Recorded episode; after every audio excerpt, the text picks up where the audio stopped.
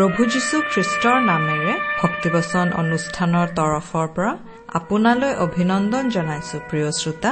আজিৰে পবিত্ৰ ক্ষণতে উজলি উঠা খ্ৰীষ্টৰ জ্যোতি।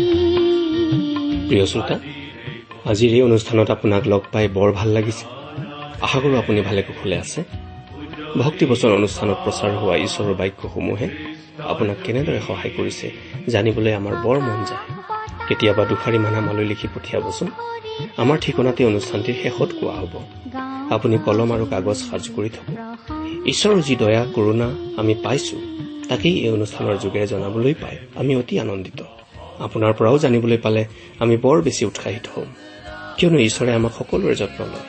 আপোনাৰো যত্ন লৈ আছে। নিশ্চয় আপোনাকো অনেক আশীৰ্বাদ কৰি আছে। দুখ কষ্টত পৰিলে তেওঁ উদ্ধাৰ কৰিছে। বেজাৰৰ সময়ত তেওঁ আহি সান্তনা দিছে। হয়তো ৰোগত পৰোতে সুস্থতা দিছে। তেওঁ সদায় আপোনাৰ বিভিন্ন পৰিস্থিতিত যত্ন লৈ আছে। তেওঁ আচৰিত মৰমীয়াল ঈশ্বৰ। তেওঁৰ মৰমবোৰ আশীৰ্বাদবোৰ স্বীকাৰ কৰিলে সোঁৱৰণ কৰিলে সেইবোৰ দুগুণে বাঢ়ে। আহক আমি প্ৰতিদিনে ঈশ্বৰৰ পৰা পাই থকা আশীৰ্বাদবোৰ ইজনে আনজনৰ লগত প্ৰকাশ কৰোঁ।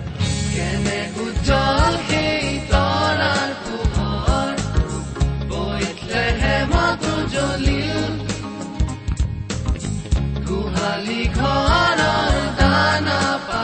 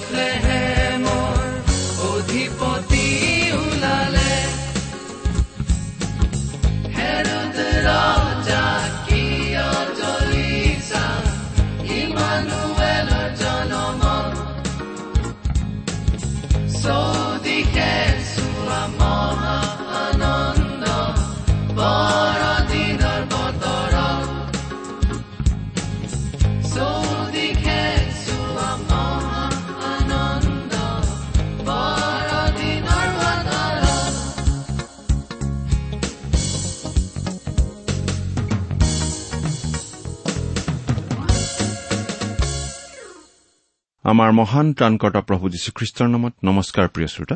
আশা কৰো আপুনি ভালে কুশলে আছে। প্ৰিয় শ্ৰোতা আপুনি বাৰু আমাৰ এই ভক্তিবচন অনুষ্ঠানটো নিয়মিতভাৱে শুনি আছেনে? এই অনুষ্ঠান সম্বন্ধে আপোনাৰ মতামত আদি জনাই আমালৈ চিঠি পত্ৰ লিখিছেনে বাৰু? অনুগ্ৰহ কৰি আজি এই দুষাৰিমান লিখি পঠিয়াবচোন। আহকচোন আজিৰ বাইবেল অধ্যয়ন আৰম্ভ কৰাৰ আগতে খন্তেক প্ৰাৰ্থনাত মূৰ দুৱাওঁ। আমি প্ৰাৰ্থনা কৰো।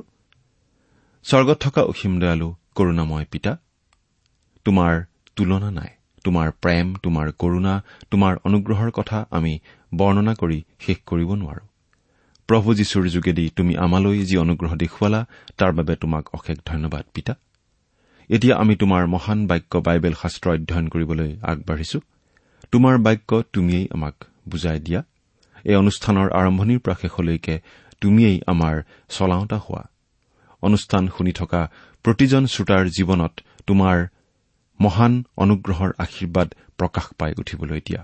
কিয়নো এই প্ৰাৰ্থনা আমাৰ মহান ত্ৰাণকৰ্তা প্ৰভু যীশুখ্ৰীষ্টৰ নামত আগবঢ়াইছো। আমেন।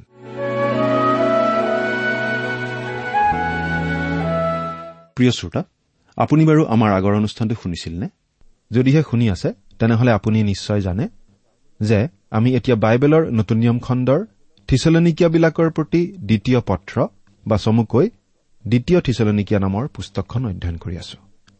অৱশ্যে এতিয়ালৈকে আমি মাত্ৰ দুটা অনুষ্ঠানতহে এই পুস্তকৰ অধ্যয়ন চলালো। অৰ্থাৎ আমি বেছি আগবঢ়া নাই।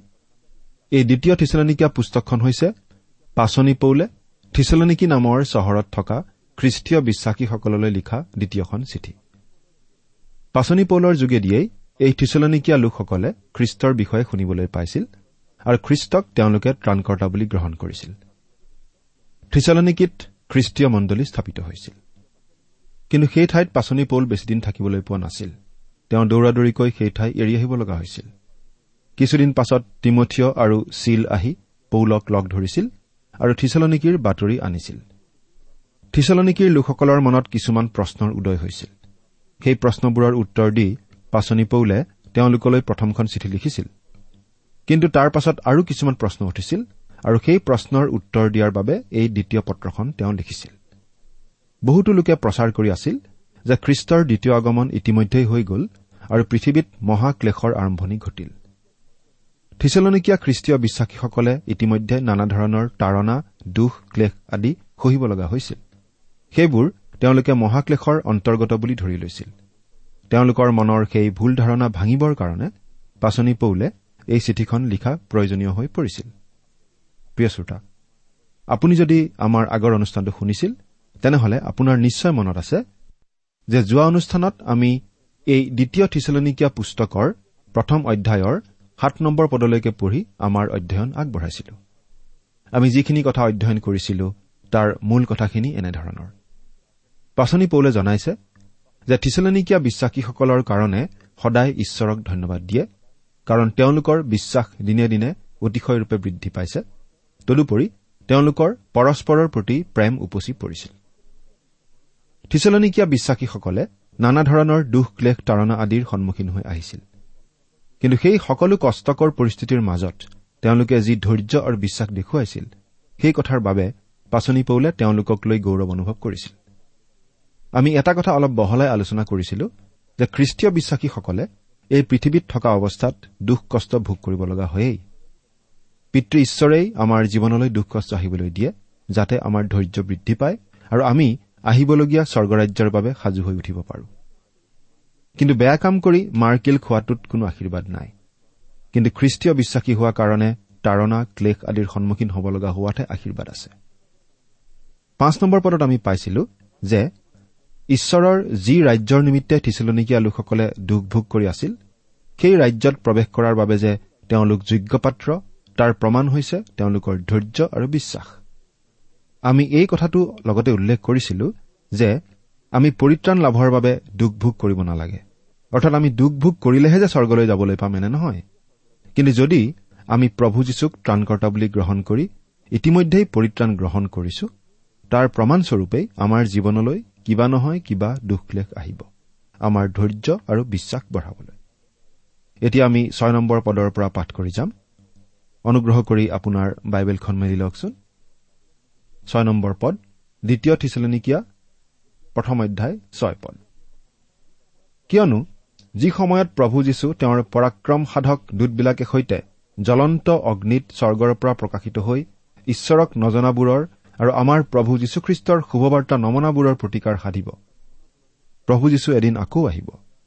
তেওঁ মানৱ ৰূপেৰে যেতিয়া এই পৃথিৱীত জন্মগ্ৰহণ কৰিছিলহি তেওঁ আহিছিল এটি নিমাষিত শিশু হিচাপে। কিন্তু তেওঁ যেতিয়া আকৌ আহিব তেওঁ আহিব প্ৰচণ্ড প্ৰতাপী ৰজা আৰু বিচাৰকৰ্তা হিচাপে। তেওঁ আহিব লগত অসংখ্য স্বৰ্গদূতক লৈ জ্বলন্ত অগ্নিৰে। যেতিয়া তেওঁ আহিব গোটেই বিশ্বই তেওঁক দেখা পাব। ঈশ্বৰক নজনাবোৰৰ আৰু আমাৰ প্ৰভু যীশুখ্ৰীষ্টৰ শুভবাৰ্তা নমনাবোৰৰ প্ৰতিকাৰ সাধিব। এই কথা বেছি বহলাই নকলেও আমি নিশ্চয় বুজি পাইছো। প্ৰভু যীশু আহি ঈশ্বৰক চিনি নোপোৱা লোকসকলক শাস্তি বিহিব। তেওঁৰ শুভবাৰ্তা নমনা লোকবোৰৰ বিচাৰ কৰি শাস্তি বিহিব। এতিয়া অনুগ্ৰহৰ কাল চলি আছে। ঈশ্বৰে সকলো মানুহলৈ অনুগ্ৰহ দেখুৱাই আছে। সকলো লোকলৈ পৰিত্ৰাণৰ সুবিধা আগবঢ়াই আছে। প্ৰভু যীশুক ত্ৰাণকৰ্তা বুলি গ্ৰহণ কৰি সকলো লোকেই নিজৰ নিজৰ পাপৰ ক্ষমা লাভ কৰি পৰিত্ৰাণ লাভ কৰিব পাৰে। ঈশ্বৰে মানুহৰ প্ৰতি সহনশীলতাৰ পৰিচয় দিছে আৰু পাপী লোকক মন পালটন কৰিবলৈ সুবিধা দি আছে। কিন্তু এদিন এই অনুগ্ৰহৰ কালৰ অন্ত পৰিব যেতিয়া প্ৰভু যীশু আহিব প্ৰচণ্ড প্ৰতাপেৰে বিচাৰকৰ্তা হিচাপে। ঈশ্বৰক অৱজ্ঞা কৰি অহা খ্ৰীষ্টৰ শুভবাৰ্তা নমনা লোকসকলক তেওঁ দণ্ড বিহিব। এই কথাখিনি আমি নিজে সাজি কোৱা কথা নহয়।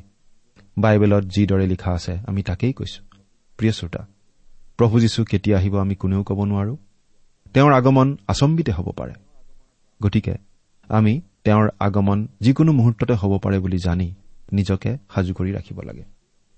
সাত আৰু আঠ পদ। সেই সময়ত প্ৰতিফলস্বৰূপে তোমালোকক ক্লেশ দেউতাবোৰক ক্লেশ আৰু ক্লেশ পোৱা যি তোমালোক তোমালোকক আমাৰে সৈতে বিশ্ৰাম দিয়াই ঈশ্বৰে দেখাতে ন্যায় কাৰ্য। ঈশ্বৰে যেতিয়া বিচাৰ কৰে তেওঁ ন্যায় বিচাৰ কৰে। তেওঁত পক্ষপাতিত্ব নাই। পাচনি পৌলে প্ৰশ্ন কৰিছিল তেন্তে আমি কি ক'ম? ঈশ্বৰত অধাৰ্মিকতা আছেনে? তাৰ উত্তৰত তেওঁ কৈছিল এনে নহওক। ৰুমিয়া ন অধ্যায় চৈধ্য পদ। ঈশ্বৰে যি কৰে সম্পূৰ্ণ ন্যায়ভাৱেই কৰে। তেওঁ একো ভুল কাম কৰিব নোৱাৰে। কেতিয়াবা আমাৰ জীৱনত ঘটা ঘটনা পৰিস্থিতি আদিক লৈ আমি আপত্তি দৰ্শাওঁ কাৰণ আমি অজ্ঞ। আমি ঈশ্বৰৰ আঁচনি বুজি নাপাইহে এনে কৰো। ঈশ্বৰে যি কৰে সকলোবোৰ এটা বিশেষ উদ্দেশ্যলৈহে কৰে। বিশেষ আঁচনি অনুসৰিহে কৰে। ঈশ্বৰে এই জগতলৈ মহাক্লেশ পঠিয়াব। আৰু এই কাম তেওঁ অন্যায়ভাৱে নকৰে। মহাক্লেশ পঠিওৱাৰ সম্পূৰ্ণ যুক্তিযুক্ততা আছে কাৰণ ঈশ্বৰে এই মহাক্লেশ পঠিয়াব পাপীসকলক শাস্তি দিবলৈহে। সেই সময়ত প্ৰতিফলস্বৰূপে তোমালোকক ক্লেশ দিওঁতাবোৰক ক্লেশ। থিচলনিকীয়া খ্ৰীষ্টীয় বিশ্বাসীসকলে নানা ধৰণৰ অত্যাচাৰ সহ্য কৰিব লগা হৈছিল। খ্ৰীষ্টৰ শুভবাৰ্তাৰ বিৰোধী লোকসকলে তেওঁলোকক নানা ধৰণে দুখ কষ্ট দি আহিছিল সেই কথা পাচনি পৌলে সোঁৱৰাই দি এই আশ্বাসটো দিছে যে তেওঁলোকক ক্লেশ দিয়াবোৰক প্ৰভু যীশুৱে সেই দিনত ক্লেশ দিব শাস্তি দিব। আনহাতে এতিয়া ক্লেশ পাই থকা খ্ৰীষ্টীয় বিশ্বাসীসকলে লাভ কৰিব বিশ্ৰাম সুখ শান্তি। ঈশ্বৰৰ এই বিচাৰ ন্যায় বিচাৰ। এই বিচাৰত কোনেও দুখ উলিয়াব নোৱাৰে কাৰণ তেওঁ এতিয়া আনক ক্লেশ দি থকাসকলক তেতিয়া ক্লেশ দিব আৰু এতিয়া ক্লেশ পাই থকাসকলক বিশ্ৰাম দিব। ন আৰু দহ নম্বৰ পদ দুটা পঢ়িম। যেতিয়া তেওঁ সেইদিনা নিজৰ পবিত্ৰ লোকবিলাকত গৌৰৱান্বিত হবলৈ আৰু বিশ্বাস কৰা সকলোতে তোমালোকে আমাৰ সাক্ষ্য বিশ্বাস কৰাতে তোমালোকতো বিস্ময়যুক্ত সমাদৰ পাবলৈ আগমন কৰিব তেতিয়া প্ৰভুৰ সন্মুখৰ পৰা আৰু তেওঁৰ শক্তিৰ প্ৰতাপৰ পৰাও তেওঁবিলাকে অনন্ত সংহাৰ ৰূপ দণ্ড ভোগ কৰিব। তেওঁ সেইদিনা নিজৰ পবিত্ৰ লোকবিলাকত গৌৰৱান্বিত হবলৈ আৰু বিশ্ৰাম কৰা সকলোতে বিস্ময়যুক্ত সমাদৰ পাবলৈ আগমন কৰিব। প্ৰভু যীশু যেতিয়া এই পৃথিৱীলৈ আহিব আৰু সকলোৰে বিচাৰ কৰিব তেতিয়া তেওঁত বিশ্বাস স্থাপন কৰা লোকসকলে পাব বিশ্ৰাম। তেওঁলোকক সম্পূৰ্ণ ধাৰ্মিক বুলি চিনাকি দিয়া হ'ব। তেওঁলোকে অনন্ত কালৰ বাবে স্বৰ্গত বাস কৰিবলৈ পাব। আৰু এই পৰিত্ৰাণ পোৱা লোকসকলৰ যোগেদি প্ৰভু যীশু গৌৰৱান্বিত হ'ব। গৌৰৱান্বিত হবৰ কথাই অতি ঘীনলগীয়া জঘন্য পাপীকো প্ৰভু যীশুৱে নিজৰ অমূল্য তেজেৰে ধুই নিকা কৰি স্বৰ্গৰ বাসিন্দা কৰি তোলে। তেনেদৰে পবিত্ৰ হোৱা লোকসকল প্ৰভু যীশুৰ বাবে গৌৰৱৰ বিষয়। তেওঁ মানৱক উদ্ধাৰ কৰিবলৈকে মানৱৰ হৈ মানৱৰ পাপৰ শাস্তি গা পাতি লৈ ক্ৰুচত মৃত্যুবৰণ কৰিছিল। গতিকে তেওঁৰ সেই আত্মবলিদানৰ বলতেই খ্ৰীষ্টীয় বিশ্বাসীসকল স্বৰ্গলৈ যোৱাৰ উপযুক্ত হয়। গতিকে সেই সকলোৰে কৃতিত্ব প্ৰভু যীশুৱেই দাবী কৰিব পাৰিব। খ্ৰীষ্টীয় বিশ্বাসী সকলোতে তেওঁ গৌৰৱান্বিত হ'ব। তেওঁ যেতিয়া আহিব তেওঁ বিশ্বাস কৰা সকলোতে বিস্ময়যুক্ত সমাদৰ লাভ কৰিব। আচলতে আমি কোনোৱেই স্বৰ্গলৈ যোৱাৰ উপযুক্ত নহওঁ। কিন্তু একমাত্ৰ প্ৰভু যীশুত কৰা বিশ্বাসৰ বলত যেতিয়া আমি স্বৰ্গত স্থান পাম তেতিয়া জানো আমি প্ৰভু যীশুক ধন্যবাদ নিদি থাকিব পাৰিম। তেওঁক জানো প্ৰশংসা নকৰাকৈ থাকিব পাৰিম। তেওঁক জানো সমাদৰ নকৰাকৈ থাকিব পাৰিম। প্ৰভু যীশুক আমি এতিয়াও সমাদৰ কৰো। কিন্তু সেইদিনা আমি ইমান সমাদৰ কৰিম যে সেয়ে হ'ব বিস্ময়জনক সমাদৰ। আমি স্বৰ্গত স্থান পাই তেওঁৰ প্ৰতি ইমান কৃতজ্ঞ হ'ম যে আমি তেওঁক এনেদৰে সমাদৰ কৰিম বিস্ময়জনক সমাদৰ। প্ৰভু যীশুৱে তেওঁত বিশ্বাস কৰা লোকসকলোতে বিস্ময়জনক সমাদৰ লাভ কৰিব। এই সমাদৰ বিস্ময়জনক হ'ব কাৰণ ইমান অগণন লোকত তেওঁ সমাদৃত হ'ব। পৃথিৱীৰ সকলো ঠাইৰ সকলো দেশৰ সকলো জাতিৰ লোকৰ মাজতেই খ্ৰীষ্টৰ নাম সমাদৃত হ'ব। গতিকে ইমানবোৰ লোকে তেওঁৰ প্ৰতি সমাদৰ প্ৰদৰ্শন কৰিব যে সেইটো এটা বিস্ময়জনক ঘটনা হৈ পৰিব। প্ৰিয় শ্ৰোতা প্ৰভু যীশু আহিব পবিত্ৰ লোকবিলাকত গৌৰৱান্বিত হবলৈ আৰু তেওঁত বিশ্বাস কৰা লোকসকলত বিস্ময়জনক সমাদৰ লাভ কৰিবলৈ। সেই সময়ত আপুনি বাৰু কোনটো দলত থাকিব? এবাৰ কল্পনা কৰি চাওকচোন। তেতিয়া প্ৰভুৰ সন্মুখৰ পৰা আৰু তেওঁৰ শক্তিৰ প্ৰতাপৰ পৰাও তেওঁবিলাকে অনন্ত সংহাৰ ৰূপ দণ্ড ভোগ কৰিব। খ্ৰীষ্টীয় বিশ্বাসীসকলত খ্ৰীষ্ট গৌৰৱান্বিত হ'ব সমাদৃত হ'ব। আনহাতে ঈশ্বৰক নিচিনা খ্ৰীষ্টৰ শুভবাৰ্তাৰ বিৰোধিতা কৰা আৰু খ্ৰীষ্টীয় বিশ্বাসী লোকসকলক অত্যাচাৰ কৰি থকা লোকসকলৰ কি অৱস্থা হ'ব? তেওঁলোকৰ হ'ব মহাক্লেশ। তেওঁলোক চিৰদিনৰ বাবে ঈশ্বৰৰ উপস্থিতিৰ পৰা আঁতৰাই নি অনন্ত সংহাৰৰূপ দণ্ড দিয়া হ'ব। বাইবেলত আচলতে স্বৰ্গৰ বিষয়ে খুব কমহে বৰ্ণনা দিয়া হৈছে। ইয়াৰ কাৰণ কি আমি নাজানো কিন্তু অনুমান কৰিব পাৰোঁ। আমি ভাবো ইয়াৰ এটা কাৰণ এইয়ে যে স্বৰ্গ এনেকুৱা এখন অপূৰ্ব ঠাই যাৰ কথা আমাক কলেও আমি বুজি নাপাম। তদুপৰি আমাক প্ৰভুৱে কেৱল স্বৰ্গৰ কথাতে ব্যস্ত থকাটো বিচৰা নাই। নহলে আমি এই পৃথিৱীৰ কাৰণে একেবাৰে অলাগতিয়াল মানুহ যেন হৈ পৰিব পাৰোঁ। ঈশ্বৰে বিচাৰে আমি যাতে এই পৃথিৱীত উচিত জীৱন যাপন কৰোঁ। আমাৰ প্ৰতিজনৰ বাবে তেওঁৰ এক আঁচনি আছে বিশেষ পৰিকল্পনা আছে। আমি সেই আঁচনি মতে চলাটো তেওঁ বিচাৰে। কেৱল স্বৰ্গৰ কথা ভাবি হাত সাৱটি বহি থকাটো তেওঁ নিবিচাৰে। বাইবেল শাস্ত্ৰত স্বৰ্গৰ বিষয়ে কম কথা কোৱা হৈছে ঠিকেই কিন্তু হেৰাই থকা অৱস্থাৰ লোকৰ অৱস্থাৰ বিষয়ে আৰু কম কথা কোৱা হৈছে। আচলতে এই অৱস্থাটো ইমান ভয়াৱহ যে পবিত্ৰত্মাই এই কথাৰ ওপৰত এখন আৱৰণ দি থৈছে। মানুহৰ উৎসুক মন আৰু প্ৰতিশোধ পৰায়ণতাক সন্তুষ্ট কৰিবৰ কাৰণে কোনো কথা কোৱা হোৱা নাই। যিখিনি নকলেই নহয় সেইখিনিহে বাইবেলত কোৱা হৈছে। প্ৰিয় শ্ৰোতা আমি এটা কথা মনত ৰখা উচিত। ঈশ্বৰে যেতিয়া বিচাৰ কৰে তেওঁ প্ৰতিশোধ পৰায়ণ হৈ বিচাৰ নকৰে। কিন্তু তেওঁ যে ন্যায় বিচাৰক আৰু পবিত্ৰ ঈশ্বৰ সেই কথাটোৰ প্ৰমাণ দিবলৈহে তেওঁ বিচাৰ কৰিব। নৰক সম্বন্ধে আমাৰ যি জানিবৰ আগ্ৰহ সেই আগ্ৰহৰ প্ৰতি বেছি সঁহাৰি বাইবেলে দিয়া নাই। অৰ্থাৎ নৰকৰ বহল বৰ্ণনা বাইবেলত দিয়া নাই। কিন্তু আমাক সাৱধান কৰি দিবৰ বাবে যিখিনি প্ৰয়োজনীয় সেইখিনিকেই উল্লেখ কৰা হৈছে। ইয়াৰ বিষয়ে কমকৈ উল্লেখ কৰা হৈছে বাবে ই কম সঁচা নহয়। আচলতে আনতকৈ বাইবেলত খ্ৰীষ্টই নৰকৰ বিষয়ে বেছিকৈ উল্লেখ কৰিছে। নৰক হৈছে এটা ভয়ংকৰ বাস্তৱ। এই নৰকৰ বিষয়ে আমি কল্পনা কৰিবলৈ যোৱা নাই। কিন্তু এই নৰকৰ বিষয়ে যি কোৱা আছে তাকেই মাত্ৰ আমি উল্লেখ কৰিছো। যি সময়ত প্ৰভু যীশু জ্বলন্ত অগ্নিত স্বৰ্গৰ পৰা প্ৰকাশিত হৈ ঈশ্বৰক নজনাবোৰৰ আৰু আমাৰ প্ৰভু যীশুখ্ৰীষ্টৰ শুভবাৰ্তা নমনাবোৰৰ প্ৰতিকাৰ সাধিব। তেতিয়া প্ৰভুৰ সন্মুখৰ পৰা আৰু তেওঁৰ শক্তিৰ প্ৰতাপৰ পৰাও তেওঁবিলাকে অনন্ত সংহাৰ ৰূপ দণ্ড ভোগ কৰিব। নৰকৰ কথা কলে মানুহে আজিকালি হাঁহে ঠাট্টা বিদ্ৰূপ কৰে। কিন্তু ঠাট্টা কৰিলেই ই নোহোৱা হৈ নাযায়। বহু সময়ত আমাৰ বিশ্বাসবোৰো কিছুমান মনে গঢ়া আশাৰ ওপৰতহে প্ৰতিষ্ঠিত হয়। আমি ভাবি থাকো এনেকুৱা নঘটে তেনেকুৱা নঘটে।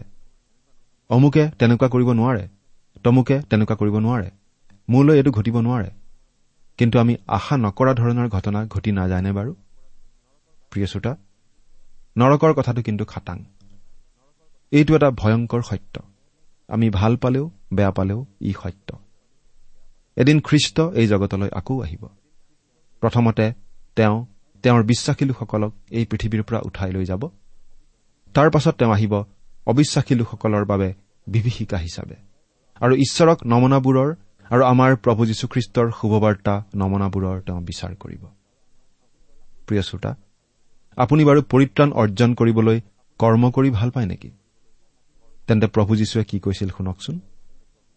যীশুৱে উত্তৰ দি তেওঁবিলাকক কলে ঈশ্বৰে যিজনক পঠালে তেওঁত বিশ্বাস কৰাই ঈশ্বৰৰ মনোনীত কৰ্ম। জোহন ছয় অধ্যায় ঊনত্ৰিশ পদ। ঈশ্বৰৰ বাক্যই আমাক ইয়াকেই শিকায়। আমি জানো সুধবিচাৰ নৰক আদিৰ কথা কলে মানুহে ভাল নাপায়। আনকি আমি সাক্ষ্য দিবৰ সময়তো এই জীৱনত আমি কি কি পালো সেইবোৰ কথাকে কৈ থাকিবলৈ ভাল পাওঁ। কিন্তু সাক্ষ্য দিবৰ সময়ত আমি বাৰু কিমান এনেদৰে কওঁ যে মই নৰকলৈ যাবলগীয়া পাপী আছিলো মই হেৰাই আছিলো কিন্তু প্ৰভু যীশুৱে মোক উদ্ধাৰ কৰিলে। প্ৰভু যীশুৱে আমাক পৰিত্ৰাণ দিলে বুলি কওঁতে তেওঁ আমাক কিহৰ পৰা পৰিত্ৰাণ দিলে কিহৰ পৰা উদ্ধাৰ কৰিলে সেই কথাটোও কোৱা উচিত। তেওঁ আমাক নৰকৰ পৰা উদ্ধাৰ কৰিবৰ কাৰণেই এই পৃথিৱীলৈ আহিছিল আৰু ক্ৰুচত আমাৰ হৈ প্ৰাণ দিছিল। তেওঁ আমাক উদ্ধাৰ কৰিবলৈ আহিছিল। তেওঁ আমাক নৰকৰ পৰা উদ্ধাৰ কৰিবলৈ আহিছিল। কিন্তু এই কথাটো উল্লেখ কৰিবলৈ আমি বহু সময়ত পাহৰি যাওঁ। প্ৰিয় শ্ৰোতা ধৰক আপুনি এটা ঘৰত শুই থাকোঁতে ঘৰটোত জুই লাগিল। আপুনি গমেই নাপায়। তেতিয়া এজন মৰমীয়াল ব্যক্তিয়ে নিজৰ জীৱন বিপন্ন কৰি জুইৰ মাজেৰে গৈ আপোনাৰ ওচৰ পালেগৈ আৰু আপোনাক টোপনিৰ পৰা উঠাই সেই ঠাইৰ পৰা উদ্ধাৰ কৰি আনিলে। তেওঁ আপোনাক ইমান ভাল পালে যে আপোনাক নিজৰ সন্তান কৰি ল'লে। তাৰ পাছত যদি সমাজৰ আগত সেই মানুহজনৰ সাক্ষাতে তেওঁৰ প্ৰশংসা কৰিবলৈ আপুনি সুবিধা পায় আপুনি বাৰু তেওঁক কি কথাৰ বাবে ধন্যবাদ দিব? তেওঁ আপোনাক তেওঁৰ সন্তান কৰি লোৱাৰ বাবে ধন্যবাদ দিব নেকি? আমি ভাবো আপুনি নিশ্চয় দিব। কিন্তু তেওঁ যে নিজৰ জীৱন বিপন্ন কৰিও জুইৰ মাজেৰে গৈ আপোনাৰ জীৱন ৰক্ষা কৰিলে সেই কথাটোৰ বাবেহে আপুনি তেওঁক বেছিকৈ ধন্যবাদ নিদিবনে বাৰু? আপোনাক সেই জ্বলি থকা ঘৰটোৰ পৰা উদ্ধাৰ কৰি ননা হলে আন সকলো কথাই অৰ্থহীন হলহেঁতেন। প্ৰিয় শ্ৰোতা প্ৰভু যীশুৱে আমাক নৰকৰ পৰা উদ্ধাৰ কৰিবলৈকে এই পৃথিৱীলৈ আহিছিল। তেওঁত বিশ্বাস কৰি আমি সকলোৱে সেই পৰিত্ৰাণ লাভ কৰিব পাৰোঁ। কিন্তু এদিন অবিশ্বাসী লোকসকলৰ বিচাৰ হ'ব। আমি যদি সেই লোকসকলৰ মাজত থাকো আমাৰো বিচাৰ হ'ব। এই কথাটো আমি জানো। সেইবাবেই আমি প্ৰভু যীশুক ত্ৰাণকৰ্তা বুলি বিশ্বাস কৰি সেই সুধ বিচাৰৰ পৰা ৰক্ষা পাবলৈ সিদ্ধান্ত ল'ব লাগে এতিয়াই। ইয়াত অতি স্পষ্ট কৰি দিয়া হৈছে কোন কোন শ্ৰেণীৰ লোকে দণ্ডভোগ কৰিব সেই কথা। সেইসকল লোকে দণ্ডভোগ কৰিব যিসকলে ঈশ্বৰক নাজানে আৰু যিসকল লোকে প্ৰভু যীশুখ্ৰীষ্টৰ শুভবাৰ্তা নামানে। আৰু তেওঁলোকলৈ দণ্ড কেনেকুৱা হ'ব? তেওঁলোকক চিৰদিনৰ বাবে ঈশ্বৰৰ উপস্থিতিৰ পৰা নিৰ্বাসন দি অনন্ত নৰকত পেলোৱা হ'ব। এতিয়া আমি এঘাৰ নম্বৰ পদটো পাঠ কৰি দিব খুজিছো। ইয়াত এনেদৰে লিখা আছে তালৈ চাই আমাৰ ঈশ্বৰ আৰু প্ৰভু যীশুখ্ৰীষ্টৰ অনুগ্ৰহ অনুসাৰে যাতে তোমালোকত আমাৰ প্ৰভু যীশুৰ নাম গৌৰৱান্বিত হয় আৰু তোমালোকো তেওঁত গৌৰৱান্বিত হোৱা। প্ৰভু যীশু যেতিয়া বিচাৰকৰ্তাৰূপে আহিব তেওঁক ত্ৰাণকৰ্তা বুলি গ্ৰহণ কৰা সকলো লোকেই ধাৰ্মিক বুলি বিবেচিত হ'ব। আৰু তেওঁলোকে সেই আশীৰ্বাদ পাব একমাত্ৰ পিতৃ ঈশ্বৰ আৰু প্ৰভু যীশুখ্ৰীষ্টৰ অনুগ্ৰহতহে। আচলতে আমি কোনো লোকেই পিতৃ ঈশ্বৰৰ আগত ধাৰ্মিক নহওঁ। সেই যোগ্যতা আমাৰ নাই। কিন্তু যেতিয়া আমি প্ৰভু যীশুখ্ৰীষ্টক আমাৰ ত্ৰাণকৰ্তা বুলি গ্ৰহণ কৰো। তেওঁকেই ত্ৰাণকৰ্তা বুলি বিশ্বাস কৰো। তেওঁতেই আশ্ৰয় লওঁ। তেতিয়া আমি পিতৃ ঈশ্বৰৰ আগত ধাৰ্মিক বুলি গণিত হওঁ ধাৰ্মিক বুলি বিবেচিত হওঁ। কাৰণ আমাৰ জীৱনৰ সকলো পাপ ক্ষমা হৈ যায়। কাৰণ প্ৰভু যীশুৱে আমাৰ সকলো পাপৰ প্ৰায়চিত্ৰ কৰিবলৈ ক্ৰুচৰ ওপৰত যে নিজৰ জীৱন দিলে নিজৰ পবিত্ৰ তেজ বোৱালে সেই কথা আমি বিশ্বাস কৰাৰ লগে লগে আমাৰ সকলো পাপ ক্ষমা হৈ যায়। আৰু আমাৰ হৈ প্ৰভু যীশুৱে যি ধাৰ্মিকতা অৰ্জন কৰিলে সেই ধাৰ্মিকতা আমাৰ ধাৰ্মিকতা বুলি বিবেচিত হয়। সেয়েহে প্ৰভু যীশুত আশ্ৰয় লোৱা প্ৰতিজন লোক পিতৃ ঈশ্বৰৰ আগত ধাৰ্মিক বুলি বিবেচিত হয়। এইটো ঈশ্বৰৰ এটা অনুগ্ৰহৰ দান। সেয়েহে প্ৰভু যীশুৰ সন্মুখত আমি যেতিয়া থিয় হ'ম আমি সম্পূৰ্ণ ধাৰ্মিক ৰূপে থিয় হ'ম। পিতৃ ঈশ্বৰৰ দৃষ্টিত আমি সকলো ধাৰ্মিক।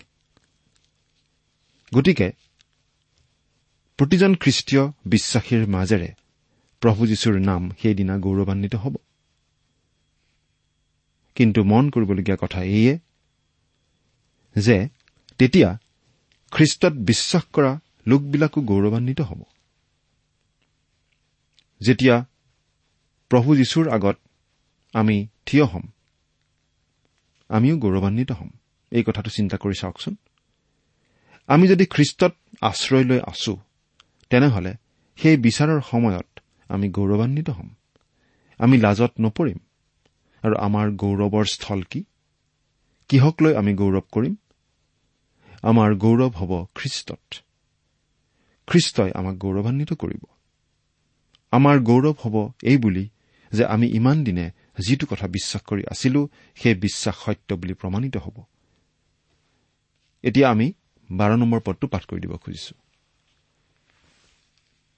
তাৰ কাৰণে আমাৰ ঈশ্বৰে যেন তোমালোকক সেই আমন্ত্ৰণৰ যোগ্য পাত্ৰ বুলি গণ্য কৰে আৰু সদগুণলৈ তোমালোকৰ যি সকলো বাঞ্ছা আৰু বিশ্বাসৰ কাৰ্য সেই সকলো যেন পৰাক্ৰমেৰে সিদ্ধ কৰে এই নিমিত্তে তোমালোকৰ অৰ্থে আমি সদায় প্ৰাৰ্থনা কৰি আছো। পাচনি পৌলে থিচলনিকীয়া বিশ্বাসীসকলৰ কাৰণে সদায় প্ৰাৰ্থনা কৰিছিল বুলি উল্লেখ কৰিছে। তেওঁ প্ৰাৰ্থনা কৰিছিল যাতে থিচলনিকীয়া লোকসকলে খ্ৰীষ্টীয় বিশ্বাসী হিচাপে সকলো সদগুণ আৰু বিশ্বাসৰ কাৰ্যত উপচি পৰে যাতে তেওঁলোকে বৃদ্ধি পায়। প্ৰিয় শ্ৰোতা আজি আমি এই দ্বিতীয় থিচলনিকীয়া পুস্তকৰ প্ৰথম অধ্যায়ৰ শেষৰ পদলৈকে অধ্যয়ন কৰিলো। অনুষ্ঠান শেষ কৰাৰ আগতে এটা কথা আকৌ সোঁৱৰাই দিব খুজিছো। প্ৰভু যীশুত বিশ্বাস কৰা প্ৰতিজন লোকেই এদিন চিৰদিনৰ বাবে প্ৰভুৰ সৈতে থাকিবলৈ পাব স্বৰ্গত। আৰু প্ৰভু যীশুতেই তেওঁলোক গৌৰৱান্বিত হ'ব। আজি আমি এই জগতত অতি হীন অৱস্থাত থাকিব পাৰো। সমাজে আমাক হয়তো অৱহেলাও কৰিব পাৰে। কিন্তু সেইদিনা গোটেই জগতৰ আগত আমাক গৌৰৱান্বিত কৰা হ'ব যদিহে আমি প্ৰভু যীশুতেই আশ্ৰয় লৈ তেওঁতেই থিৰে থাকো। এই কথাবোৰ আপুনি চিন্তা কৰি চাইছেনে? ঈশ্বৰে আপোনাক সহায় কৰক।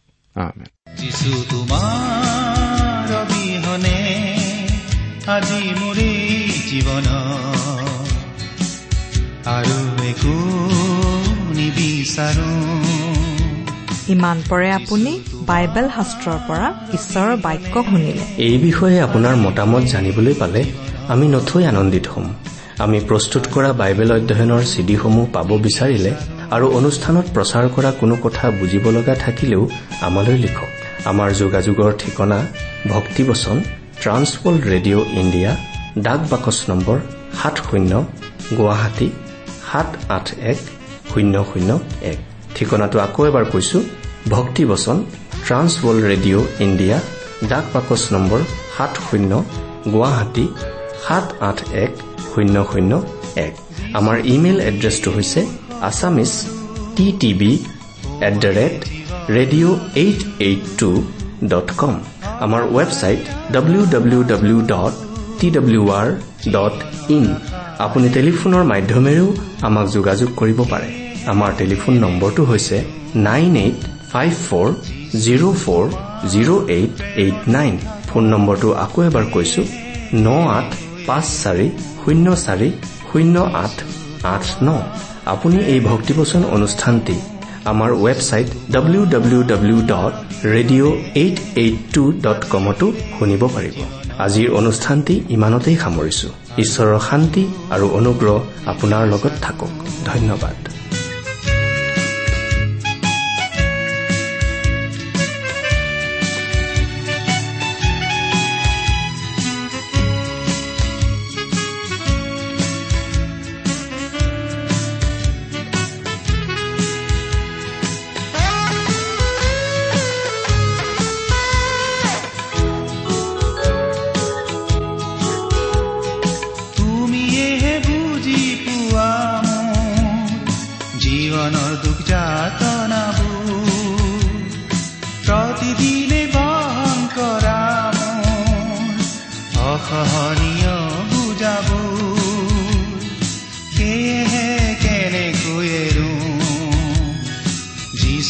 তোমাৰ প্ৰেমতে থাকো সেয়েহে কেনেকৈ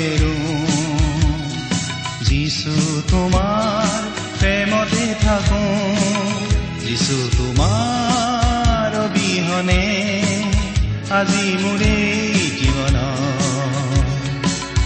আৰু একো নিবিচাৰো যিছু তোমাৰ আজি মোৰ জীৱন। আৰু একো নিবিচাৰো আৰু একো নিবিচাৰো আৰু একো নিবিচাৰো।